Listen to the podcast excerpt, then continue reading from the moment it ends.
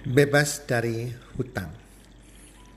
Hai para pendengar podcast, sahabat podcast Health and Wealth Community apa kabar? Di mana pun Anda berada saat ini harapan dan doa kami semoga teman-teman bersama keluarga dalam keadaan sehat walafiat semuanya dan pasti-pastinya rezeki Anda akan makin bertambah dari hari ke hari, dari bulan ke bulan dan apa pun yang Anda kerjakan dijadikan berhasil oleh Tuhan Yang Maha Esa.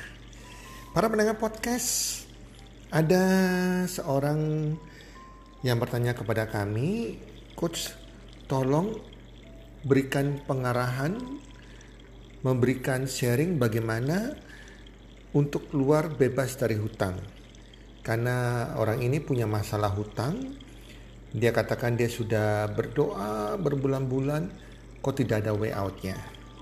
Dan dia minta saran kepada saya untuk menjelaskan cara keluar dari hutang atau bebas dari hutang. Para pendengar podcast, saya lupa-lupa ingat apakah saya pernah membuat podcast tersebut atau tidak? Karena sudah terlalu banyak episode yang saya buat 350-an episode. Jadi akhirnya saya buatkan lagi podcast tentang bebas dari hutang ini. Semoga memberkati yang bertanya tersebut dan juga Anda ada pendengarnya atau mungkin Anda punya teman atau sahabat yang punya masalah dengan hutang ingin tahu cara bebas hutang mungkin bisa diberikan podcast ini sebagai jalan keluar bagi mereka. Sahabat pendengar podcast Health and Well Community, sekali lagi, jika kita punya hutang, hutang tidak bisa dibayar hanya dengan doa Setuju? Hutang juga tidak bisa dibayar dengan Anda membeli lotre. Hutang juga tidak bisa dibayar dengan permohonan maaf. Tidak bisa teman-teman. Dan hutang juga jangan coba-coba Anda kepingin bayar dengan minta bantuan orang lain. Bukan begitu caranya. Dan hutang juga tidak bisa diselesaikan dengan law of attraction Nah, teman-teman sekali lagi, hutang tidak bisa diselesaikan dengan doa ataupun mujizat. Mengharapkan mujizat Tuhan untuk melunasi hutang Anda. Kenapa demikian? Dan bagaimana cara untuk bebas dari hutang? Para pendengar podcast, hutang disebabkan oleh dua hal. Pertama adalah kurangnya pengetahuan seseorang terhadap keuangan, terhadap pengelolaan keuangan. Kedua adalah habit atau kebiasaan yang buruk. Contohnya hobi belanja. Nah, dari dua hal tersebut, jika tidak diperbaiki, maka kita akan makin bertambah hutangnya dan makin terlilit oleh hutang tersebut. Apalagi Anda membayar dengan minimum payment minimum payment hutang kartu kredit dibayar dengan minimum payment sampai kapan? Sampai seumur hidup?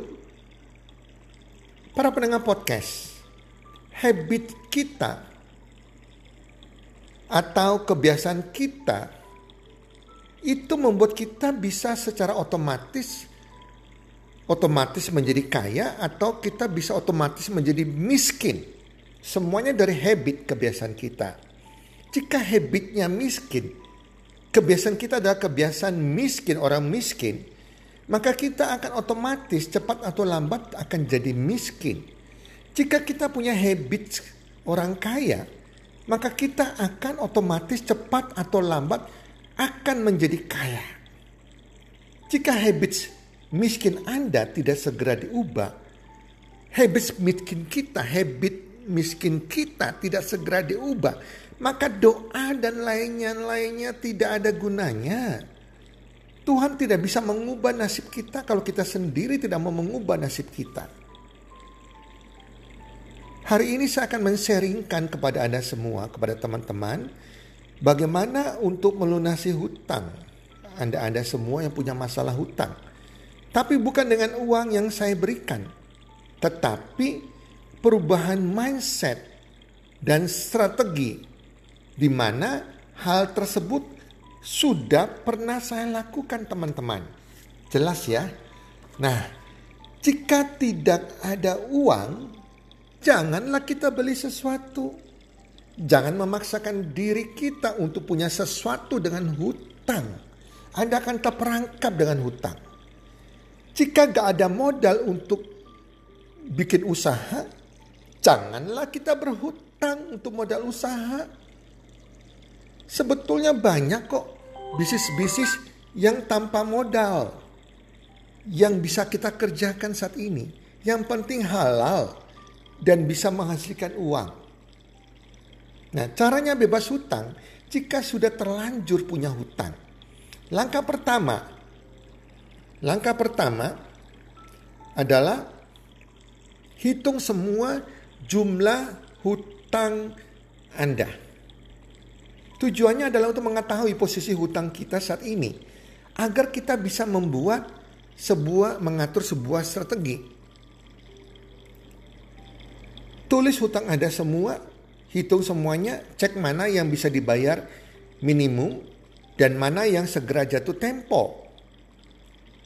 Dan juga kita bisa mengetahui kebocoran-kebocoran yang telah menyebabkan hutang tersebut.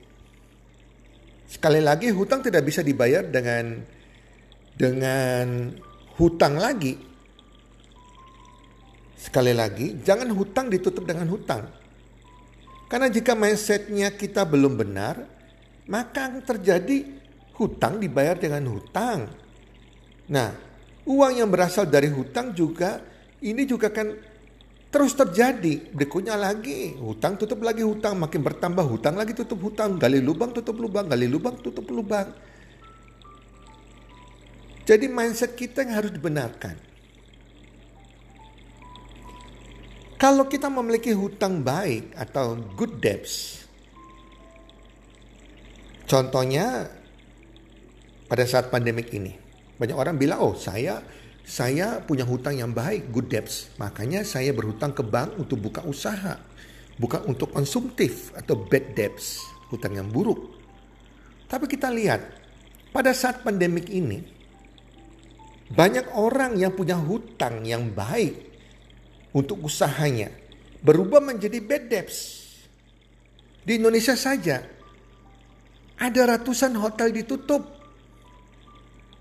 Ribuan usaha tutup. Baik perusahaan kecil maupun perusahaan besar, bahkan perusahaan sudah yang sudah puluhan tahun. Ini membuktikan dari good debts yang dikatakan good debts, good debts hutang yang tanda petik, akhirnya menjadi bad debts, hutang yang buruk. Jadi namanya hutang tetap hutang. Baik itu hutang baik atau hutang buruk, intinya janganlah berhutang. Apa pun itu tujuannya. Jika hutang banyak, berarti tagihan banyak otomatis. Maka sudah seharusnya makin giat bekerja dan mencari solusi, mencari pekerjaan sambilan untuk menutup hutang-hutang tersebut. Jadi jangan terpaku pada satu sumber penghasilan saja. Banyak orang-orang kurang bijaksana, sudah hutang banyak, dia hanya berharap dari satu sumber penghasilan dia saat ini. Bagaimana bisa menutup hutang tersebut? Seharusnya kalau Anda sudah berhutang, hutangnya banyak lagi, cari sumber penghasilan yang lain. Yang kedua, ketiga, bahkan kalau perlu sama istri bekerja cari penghasilan yang lain. Agar bisa menutup kesalahan Anda tersebut. Nah yang kedua, list semua pengeluaran Anda. Tulis semua pengeluaran Anda. Tulis dari pengeluaran-pengeluaran tetap yang harus dibayarkan. Misalnya pengeluaran tetap itu bayar listrik, air, uang keamanan lingkungan misalnya, uang sekolah anak, biaya bensin, biaya makan setiap hari, setiap bulan, dan lain-lain. Itu pengeluaran tetap. Tulis lagi pengeluaran-pengeluaran yang tidak tetap. Yang seharusnya tidak perlu dan tidak harus dikeluarkan dan bisa ditunda. Misalnya biaya entertainment, biaya nonton, biaya makan di luar, pengeluaran-pengeluaran nongkrong di kafe dengan teman-teman, jalan-jalan keluar kota dan lain-lain. Anda beli tas baru, sepatu baru, beli gadget dan lain-lain, hiburan-hiburan, belah, tinggalkan itu semua dulu. Dan ketiga, buat tiga toples. Tiga toples untuk mengetahui jumlah pengeluaran kita. toples yang pertama Anda isi dengan setiap bon-bon pengeluaran hari-hari Anda. Misalnya Anda belanja di pasar, belanja bahan makanan, beli kebutuhan anak, beli uang bensin, dan lain-lain. Itu masukkan di toples pertama. Toples kedua, Anda isi dengan pengeluaran-pengeluaran yang tidak terlalu perlu dilakukan. Misalnya beli baju, beli tas, beli gadget, uh, nonton bioskop, makan di luar, nongkrong-nongkrong di kafe, dan lain-lain. Itu masukkan di toples kedua. Toples ketiga, isi pengeluaran darurat. Misalnya, mobil tiba-tiba mogok, atau sudah motor Anda mogok, rusak, masuk ke bengkel. Perlu pengeluaran darurat. Itu masukkan di toples ketiga. Ada undangan pernikahan, Anda harus kasih hadiah. Masukkan toples ketiga. Tiba-tiba ada yang sakit, keluarga sakit, biaya berobat. Biaya dokter, masuk ke toples ketiga. Biaya ke dokter dan lain-lain. Nah, jadi ada tiga toples. Dan di akhir bulan kita total. Dan dihitung ketiga toples tersebut. Masing-masing toples punya pengeluaran. Sampai ketiga toples tersebut sehingga kita tahu pengeluaran kita. Bocornya di mana. Sehingga pengeluaran kita tidak dikira-kira. Tidak bisa pakai kira-kira terhadap pengeluaran. Tapi harus dihitung harus diketahui sumber bocornya di mana dengan pasti dengan jelas pengeluaran tersebut. Sehingga kita menyadari kita bisa prepare. Bahkan kalau topes nomor dua bisa nomor dua bisa ditiadakan sama sekali. Ketiga Anda mulai list semua pendapatan penghasilan Anda tulis semua penghasilan Anda berapa jumlah penghasilan Anda penghasilan utama Anda. Jika suami istri bekerja, catat dua-duanya. Apakah ada penghasilan sembilan? Catat, ya. Tujuannya adalah untuk mengetahui apakah kita bisa bayar atau tidak setiap bulannya, berapa penghasilan kita, berapa hutang kita, berapa banyak gap kekurangannya jika tidak cukup. Nah, ini perlu disadari. Ya, langkah keempat, bayar minimum jika hutang kartu kredit. Bayar minimum payment dilebihkan sedikit. Jika bisa bayar minimum, bayar minimum dulu untuk menghindari penagihan dari debt collector. Karena teman-teman, kita bisa tidak bisa fokus bekerja, kita bisa stres kalau ditagi-tagi dengan debt collector. Dengan kita membayar terutama hutang kartu kredit dengan minimum payment, kalau bisa dilebihkan sedikit, nah itu kita bisa tidak stres dikejar-kejar debt collector. Di telepon-telepon bank, kita bisa fokus bekerja menambah penghasilan. Kalau kita stres, kita nggak bisa melakukan apa-apa. Setuju nggak? Sambil kita menata hutang dan kehidupan Anda. Yang penting habits kebiasaannya terbentuk dulu. Ini paling terpenting. Yaitu tidak hutang lagi. Tidak boros lagi. Tidak gesek kartu kredit lagi. Tidak pinjam pinjaman online lagi. Habit habits kebiasaan untuk menahan diri agar tidak hura-hura dulu, tidak cari hiburan dulu, tidak makan di luar dulu. Habits yang bisa Anda Kembangkan kebiasaan menghitung jumlah pendapatan dan pengeluaran. Ini penting banget. Kelima, prioritaskan hutang yang paling kecil. Hutang yang paling kecil harus punya goal target untuk dilunasi. Jika hutang yang terkecil lunas, maka ini akan membuat kita gembira, kita termotivasi, dan timbul percaya diri bahwa hutang-hutang yang lainnya juga akan bisa lunas. Betul tidak? Langkah ketujuh, ubah habits Anda. Ubah kebiasaan Anda. Ingat, doa tidak bisa bayar hutang. Tidak ada mujizat ya yang bisa bayar hutang. Mujizat terjadi kalau Anda punya iman dan melakukan bekerja.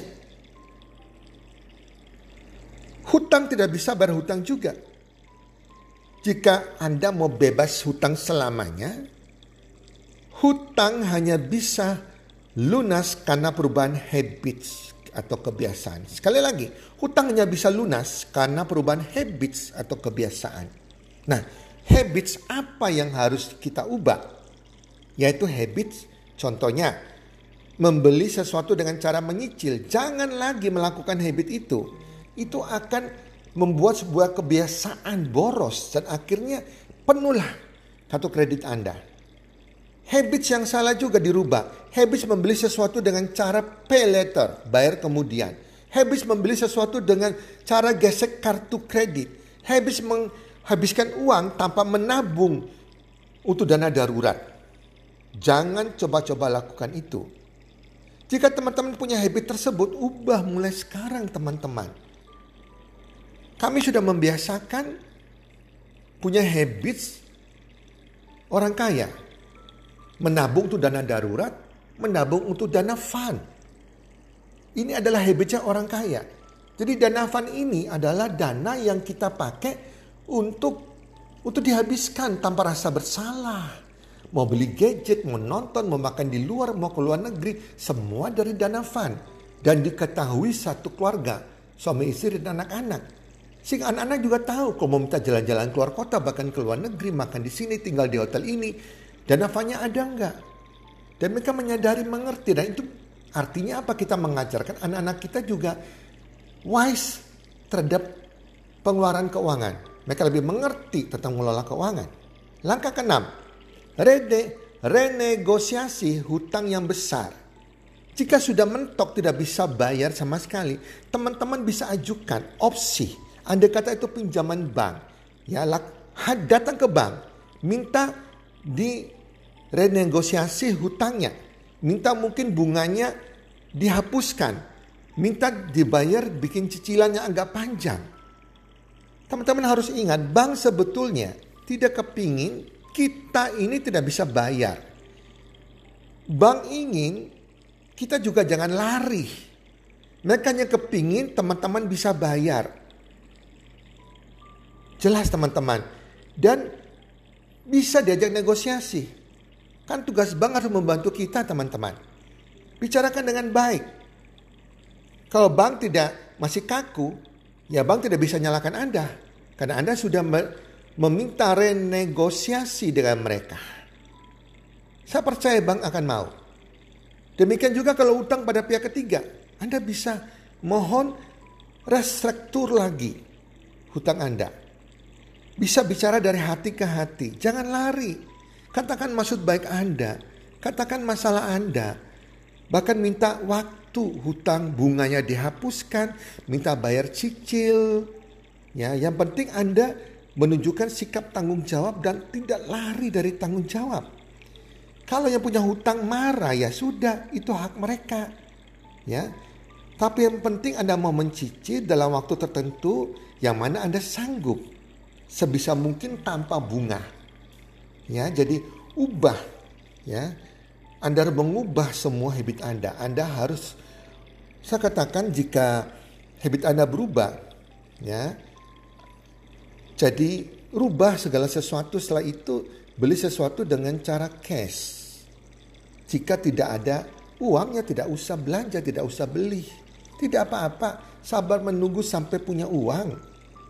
Ya, saat ini saya melihat banyak anak-anak milenial yang gajinya 7 juta berani beli gadget. HP baru seharga 20 juta. Di luar dari besarnya penghasilannya ini adalah wow. Dia lagi menggali lubang, lubang-lubang hutangnya. Kan tidak punya pengetahuan tentang keuangan. Tapi karena habit miskin ini, ia melakukan cicilan. Dia pikir, oh nyicil 850 ribu, setiap bulan selama 2 tahun misalnya. Toh penghasilan dia 7 juta. Nah, dia nggak pakai logika. Logika, ya pikir ini solusi. Solusi apanya? Ini bukan solusi, tapi ini kebiasaan toksik. Yang di mana kemudian hari ya pasti pingin yang lain lagi muncul. Beli laptop, ya misalnya dan lain-lain. Bayar cicilan lagi, bayar cicilan lagi dan seterusnya. Sampai akhirnya kartunya sudah tidak bisa digesek lagi. Yang tinggal hanya stres dan harus bayar hutangnya. Karena cicilannya sudah penuh. Harus bayar cicilan semuanya dan penyesalan terjadi selalu belakangan. Oke, langkah keenam. Cari side income. Cari penghasilan sampingan. Ini adalah solusi harus dilakukan. Bisa jadi agen properti, agen asuransi, jadi dropshipper, jadi reseller, ya, jadi affiliate, affiliate, affiliate marketing, ya, masuk ke network marketing yang benar, bukan money game, ya. Nah itu kan semua kan boleh katakan tanpa modal, ya. Jangan masuk ke trading kripto, jangan masuk ke saham, jangan main forex, mencari jalan keluar dengan cara begitu. Hati-hati karena itu bukan sebuah pekerjaan solusi yang membayar hutang Anda, tapi jenis jenis investasi yang high risk. Apalagi Anda belum punya skillnya. Jangan trading forex, saham, kripto maupun emas untuk melunasi hutang Anda. Pasti akan kalian terjerumus kalau punya nggak punya skill lagi, tambah banyak masalah keuangan lagi. Kalau mau trading-trading investasi portfolio tersebut, ya boleh, tapi nanti setelah hutang Anda lunas. Semua harus pakai uang dingin, bukan uang panas. Bukan uang untuk dipakai untuk pembayaran tagihan, cicilan dan lain-lain. Uang anak sekolah, uang tabungan sekolah anak kita bukan, harus uang lebih, uang dingin. Jadi sekali lagi kurangi liabilitas, hilangkan gengsi, kurangi lihat-lihat sosial media. Orang-orang gambar orang-orang kaya makan di sana makan di sini pamer kekayaan bla bla bla. Di Facebook Instagram lain-lain iklan-iklan di sosial media. Jangan dilihat lagi. Justru sosial media ini Anda harus isi dengan konten jualan Anda. Bukan melihat jualan orang lain. Jelas teman-teman ya? Nah teman-teman Anda harus sungguh-sungguh serius. Serius sungguh-sungguh. Kurangi pengeluaran tidak perlu. Cicilan memberatkan. Jika perlu misalnya, Anda punya mobil, punya motor. Kalau perlu, karena itu bukan sebuah aset. Karena tidak menghasilkan uang. Jika mendesak, ya Anda jual anda tidak akan mati jika tidak punya mobil atau motor. Kita bisa naik angkutan umum atau Grab. Nah, kita bisa mati, pasti mati karena stres. Apalagi kalau hutang kita bunga berbunga. Jadi Anda harus hilangkan gengsi Anda. Ya. Makin kerja keras, makin semangat, makin positif. Cari peluang-peluang. Bisnis sampingan itu solusinya. Suami istri bekerja bersama. Cari income kedua, ketiga, keempat. Nah itu kurang lebih. Sehingga Anda bisa bayar cicil. Bayar cicil tetap positif dan yakin Anda bisa melunasinya. Teman-teman, hidup yang bahagia adalah hidup yang terbebas dari stres. Hidup yang bebas dari stres adalah hidup yang bebas dari hutang finansial. Dan saya percaya kalau dulu saya bisa bebas dari hutang finansial, Anda pun pasti bisa. Kalau Anda mau. Tinggal mindset Anda berubah, rubah habits Anda, dan lakukan apa yang sudah saya ajarkan, yang sudah saya praktekkan. Demikian teman-teman, semoga bermanfaat dan salam sukses. One, two, three.